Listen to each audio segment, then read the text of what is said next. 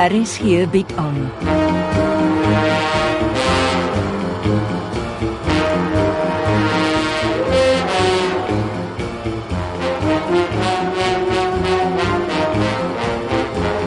Agendas deur Jo Kleinhans.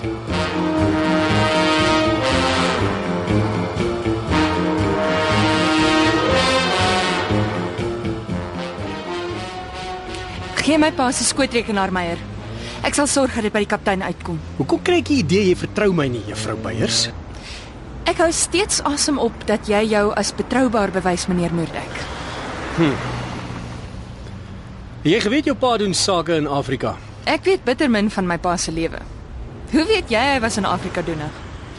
Ek het jou vertel ek was by die African Research Foundation in Gaborone. Ek soek rekenaarwerk, 'n kontrak. Jy bedoel jy soek toegang tot hulle databases om inligting af te laai. Dis mos hoe julle spioene te werk gaan. Jy moet ophou met die lawwe storie. Jammer, dit het uitgeglip. Eh, Jy wou sê? Die bestuurende direkteur vertel my toe jou pa het hulle databases ontwerp en help bestuur. Jy weet meer as ek. Soek hy nie dalk iemand om my pa te vervang nie? Presies waaraan ek gedink het toe ek dit hoor, maar die ou lyk nie of hy van my gesig hou nie. Miskien kan hy aanvoel jy's 'n spioen. Dit is nou nie my snaaks nie. Hoekom gesit jy nie daar oorkant in die restaurant en wag vir my nie? Bestel vir jou 'n cappuccino. Hoekom? Waarheen gaan jy? Ek gaan hier binne vir die naaste beskikbare polisieman of vrou 'n dekselse verklaring aflê sodat ek my lewe weer op koers kan kry. Ek stap saam. Jy weet mense noem dit wantroue in jou medemens. Pas op, dis 'n aansteeklike siekte wat toenemend onder vroue in Suid-Afrika voorkom. Nee, jy noem dit nugtere denke en die uitneem van 'n polis op 'n minder gekompliseerde lewenspad vorentoe. Die verbyers. Ek maak ten sterkste beswaar. Jy mors my tyd. Dis nie my baas wat op my nek lê nie. Presies. Wag in die restaurant, maar maak asseblief eers 'n draai in 'n kleedkamer en doen iets omtrent jou hare. Hoekom? Moenie vergeet jy het agter op 'n bakkie gery nie. Jy lyk of jy nou enige tyd gaan opstyg. sien jou oor 'n halfuur. En nou trek hy. Skootrekenaar onder die blad asof dit aan hom behoort. Nou ja, ek moet seker maar gaan keer dat ek nie opstyg nie.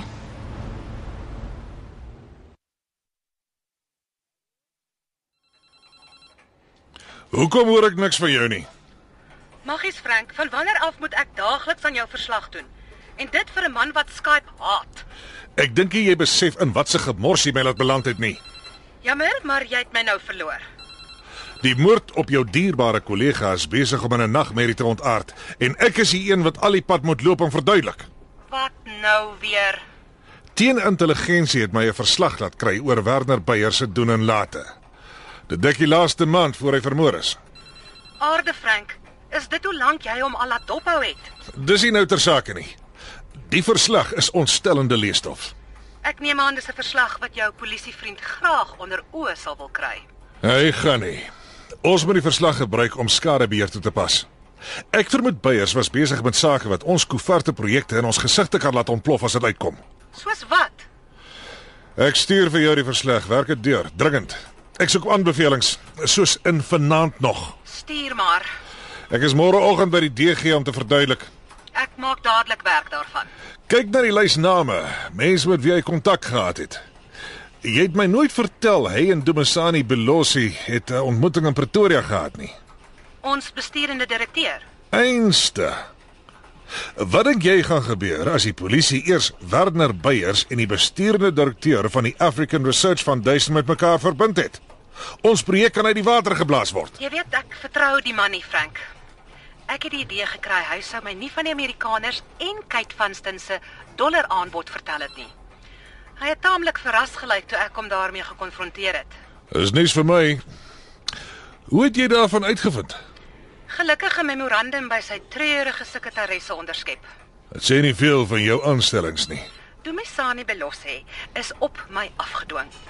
As ek reg onthou het jy gesê en ek haal aan, dis nommer 1 se keuse. Ek het nie nou tyd vir oor en weer beskuldigings nie. Al wat ek weet is Werner Beyer se program was alles behalwe die program van 'n man wat eh, volgens jou verslag 'n alleenloper was wat saans in sy woonstel homself jammer gekry het. Jy het duidelik nie geweet waarmee die man homself besig gehou het nie.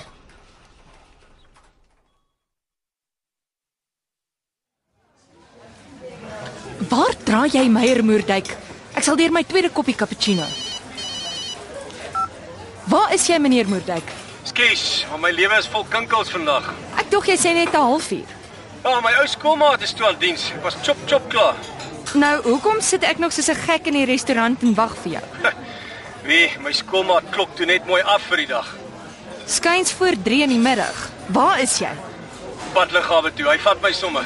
En jy sê my nie 'n woord nie. Maar ek bel jou mos nou. Waar's my pa se skootrekenaar? Ingaande. Wie's jou skoolmaat? Wil jy sou waar op my loop en check? Ja, Meyer Moerdijk, ek wil want ek vertrou jou nie. Kry jy nie skaam nie? Nee, glad nie. Wat is sy naam? Luister. Ek weet dit gaan dol met jou. Maar kry jou prioriteite reg. Jou pa se motor staan nog langs die pad. Ek wag vir jou vriend se naam. Fokus op die motor. Jy's in Suid-Afrika. As jy nie gou speel nie, dra die skelms die motor stuk stuk weg. Het jy die verklaring afgelê ja of nee? Ek wil nie ongeskik wees nie, maar ek moet aflei. Jy weet my baas soek 'n verslag. Meyer Moerdijk, jy is 'n tweegat jakkals. Ek bel nou dadelik die kaptein en lig haar ten volle in. As my pa se skootrekenaar nie by die polisie ingehandig is nie, maak ek 'n saak van diefstal teen jou oop. Ek hoop jy kan Afrikaans verstaan.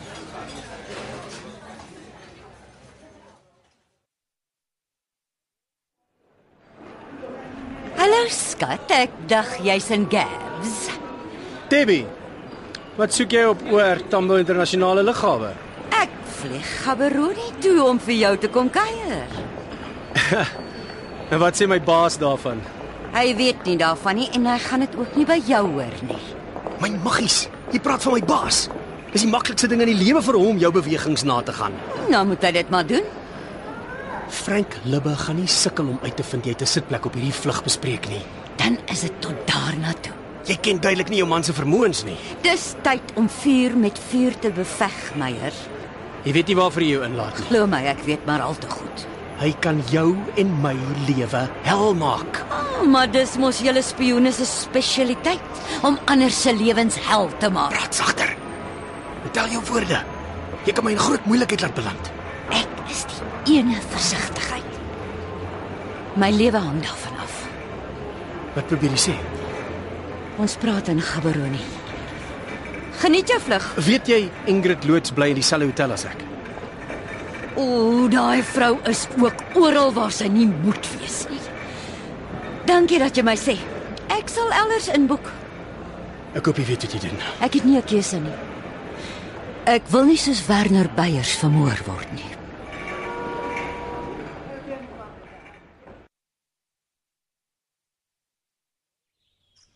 Waar is Debbie Liewe? Volgens die kok in die kombuis is hy uitstedig. Uitstekend. Ek is haar man en ek weet niks daarvan nie. O, is jy Meyer Moerdijk se baas? Wie is jy? Sandra Beyers. O, oh, Werner Beyer se dogter. Ken jy Meyer Moerdijk? Ongelukkig ja. Wat is jou probleem met hom? Hy's te lamsakkig om 'n verklaring by die polisie af te lê. En sy flou verskoning is jy jaag hom op 'n knop. Is dit wat hy jou vertel? Hy vlieg vandag spesiaal van Gaborone om dit te doen, maar puur verniet. Was hy hier? Ja, maar die oomblik toe jy bel, gryp hy my pa se verlore skootrekenaar en verdwyn Gaborone toe om te gaan spioneer soos per opdrag. Juffrou, ek ken jou 3 minute en die helfte van die goed wat jy kwytraak verstaan ek nie. Wat gee jou die idee Moerdijk spioneer? Dis eenvoudig. Julle werk albei vir die Staatsveiligheidsagentskap en jy's sy baas. En Nou, wie vertel jou dit? Meneer Libbe, jy van alle mense behoort te weet, jy maak nooit die name van jou informante bekend nie. Juffrou, dis ernstige sake. Ek weet. Soos die moord op my pa. Ek sal dit waardeer as jy die papsak wat vir jou werk opdrag gee om die verklaring af te lê en klaar te kry. Ek kan nie help. Hy het saam met my op my pa se liggaam afgekom nie. Waar's my vrou? Ek weet nie sy rapporteer nie aan my nie. Wanneer is jou pa se begrafnis? Saterdag. Kom ek gee jou gratis advies. Fokus op die begrafnisreëlings en hou jou lang neus uit my en my personeel se persoonlike lewens. Jou neus sal nie die eerste een wees wat ek laat afkap nie. Jy is 'n uiters onsmaaklike mens, meneer Libbe. Verskoon my asseblief. Jy het nie 'n idee hoe onsmaaklik ek kan raak nie.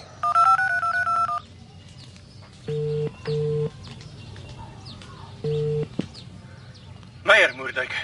Moerdijk, Ek bel om jou persoonlik in te lig. Ek gee jou 'n skriftelike waarskuwing. Hoe bedoel meneer nou? Hou op dom speel. Wat hoor ek in die agtergrond? O, oh, is een lang deurmekaar dag. Bring vir my Werner Beyer se laptop. Meneer, Moerdijk, ek is 'n besige man. Ek het nie tyd om myself te herhaal nie. Ek weet jy het Beyer se laptop en jy is op OR Tambo lughawe. Bring vir my die laptop. soos in nou meneer. Ek soek die laptop in my kantoor binne die volgende uur. Gee dit vir my sekretarisse. Ek het dit ongelukkig nie meer nie meneer. Hoekom nie? Wel ek het dit by die polisiestasie in Brooklyn ingehandig. Kan een mens so dom wees? Ek moes meneer. Jy moes in Gaborone gewees het. Jy moes Ingrid loods dopgehou het. Ja, ek weet meneer. Skus, ons klim op. My vlug gaan vertrek. Ek hoop nie jy dink finansies gaan betaal vir jou kerjakker nie. Ek is sommer lus om jou tweede skriftelike waarskuwing.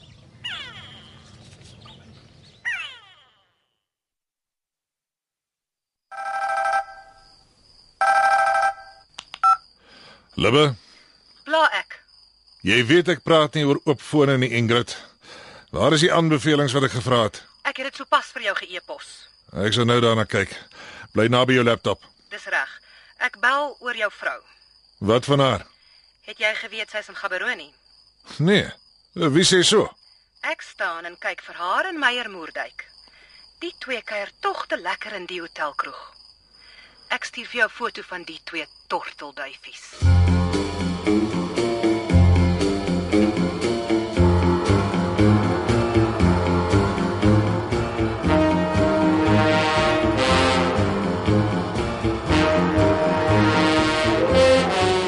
Agendas word geskryf deur Joe Kleinhans.